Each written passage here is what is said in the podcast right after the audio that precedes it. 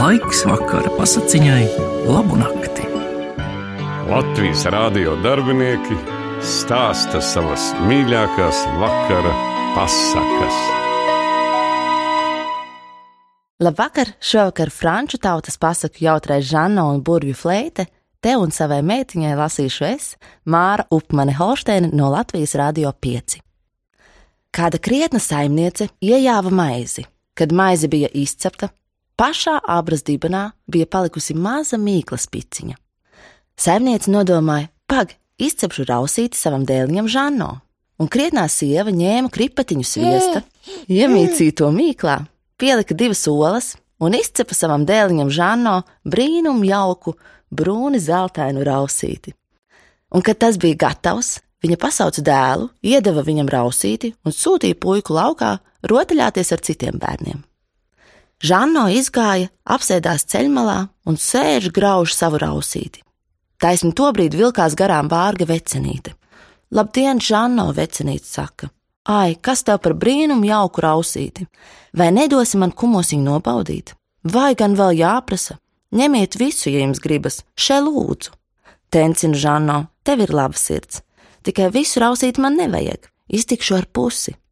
Labā vecinīte apēda savu pusi, un tad salūkoja tārbiņā gredzenu un fleiti un sniedza to Žanno.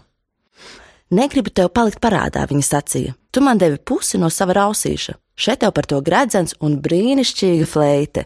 Pielūko glabā rūpīgi, tie tev dzīvē dažu labu reizi noderēs. Žanno patencināja lāga vecenītei, un, kad tā bija aizgājusi, viņam kārojās izmēģināt, kāds labums tad ir no šā gredzena un brīnišķīgās fleites. Žāno uzvilka gredzenu pirkstā, un tai pašā acu mirklī saraucās mazs mazītiņš. Vai tiešām es tagad tāds arī palikšu un nekad neizaugšu liels? Bet tiklīdz viņš tā nodomājis, kad uzreiz sāka augt, augt, izauga garāks par visaugstāko siena kaudzi un pat par veidzirnavām. Tad Žanno novilka gredzenu no pirksta un tai pašā brīdī atguva savu agrāko augumu. Nu, Žanno ņēma burvju fleiti un sāka pūst, un piepeši viss ap viņu sagriezās dejā. Lēkāja virpuļoja ar vien straujāk un straujāk. Nu, tagad es zinu visu, kas man jāzina, Žanno nodomāja. Nu, es varu apstaigāt visu pasauli. Un Žanno soļoja pa ceļu uz pilsētas pusi. Pret vakaru ceļš noveda puisi mežā.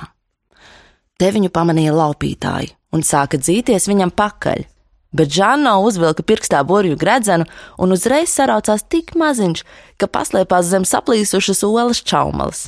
Laupītāji viņu nepamanīja un aizdrāzās garām. Žāno novilka gredzenu no pirksta, palika atkal kāds bijis iepriekš un nogriezās sānceļā.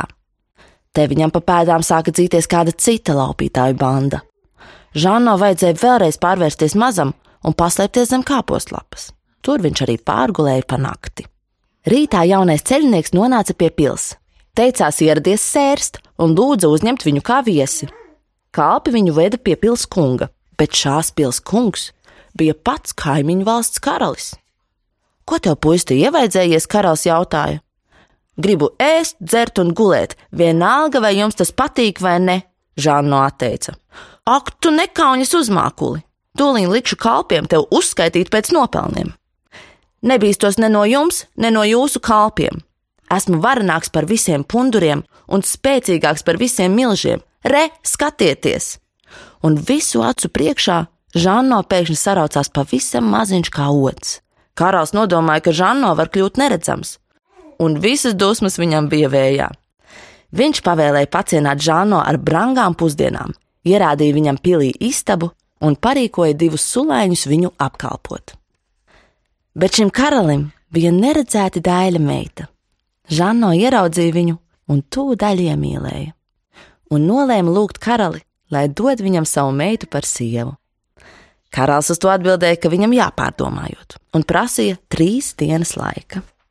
Un, kad trīs dienas bija pagājušas, karalis aicināja jauno drosmnieku un sacīja: Esmu devis zvērestu Žanno, ka mana meita izies par sievu tikai pie tā, kas būs darbos pierādījis savu veiklību.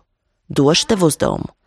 Rīt ņem 12 baltus un 12 melnus trusīšus, un bez kādām saitēm izved tos cauri laukiem un mežiem. Ja līdz saules rietam atvedīsi visus trusīšus atpakaļ pilī, tad ņem manu meitu par sievu. Vai pieņem šo noteikumu? Pieņemu, Žāno atbildēja. Raudzīšu izpildīt šo uzdevumu. Un tā Žāno ņēma 12 baltus un 12 melnus trusīšus un izveda klajā laukā. Tie jau taisījās izklīst uz visām pusēm. Te Žāno izvilka fleiti un sāka spēlēt. Trusīšiem bija vien jālēkā turpat Žāno tūmā. Augu dienu viņi tā lēkāja, bet ap saules rietu Žāno tos visus atveda pilī. Tad karalis nolēma puisi vēlreiz pārbaudīt. Rīt pie tevis aizies bende, bet tu pamēģini viņam rokās nokļuvis palikt dzīves. Ja šo pārbaudījumu izturēs, karalis sacīja, tad došu tev savu meitu par sievu. Otrā rītā plašajā pilsētas pagalmā tiešām uzcēla karātavas. Pats karalis iznāca uz balkona noskatīties, kā puisi kārs, bet, kad bende grasījās uzmest notiesātajām kaklā cilpu, Žāno sāka augt ar vien garāks un garāks, līdz izauga tik garš, ka varēja apsēsties uz karātavas čērskoka kā uz sola, tā ka kājas sniedza zemi. Nabaga bende galvu atgāzes raudzījās uz Žanno, bet tas joprojām auga, auga līdz sasniedza visaugstāko karaļpils torni. Tad Žanno atbalstīja elkoni pret torņa jumtu, bet karātavs paspēra ar kāju pie malas kā skaidiņu. Žanno tomēr bija lāga jauneklis un mīlēja karaļmeitu. Tāpēc viņš atkal pārvērtās tāds pats kā iepriekš un jautāja karalim: Nu, tiešām gan, jūsu maistāte, kā labi, lai es neprecētu jūsu meitu, abas jūsu vēlēšanās esmu izpildījis. Ko karalis varēja atbildēt?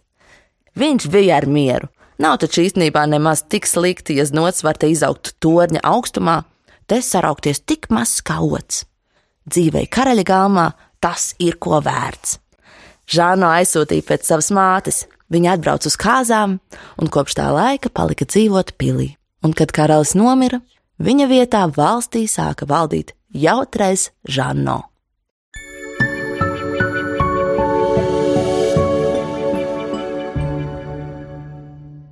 Franču tautas pasaku jautrais Žanno un burvju flēte lasīju es, Māra Upmane Holsteine no Latvijas Radio 5 ar labu nakti.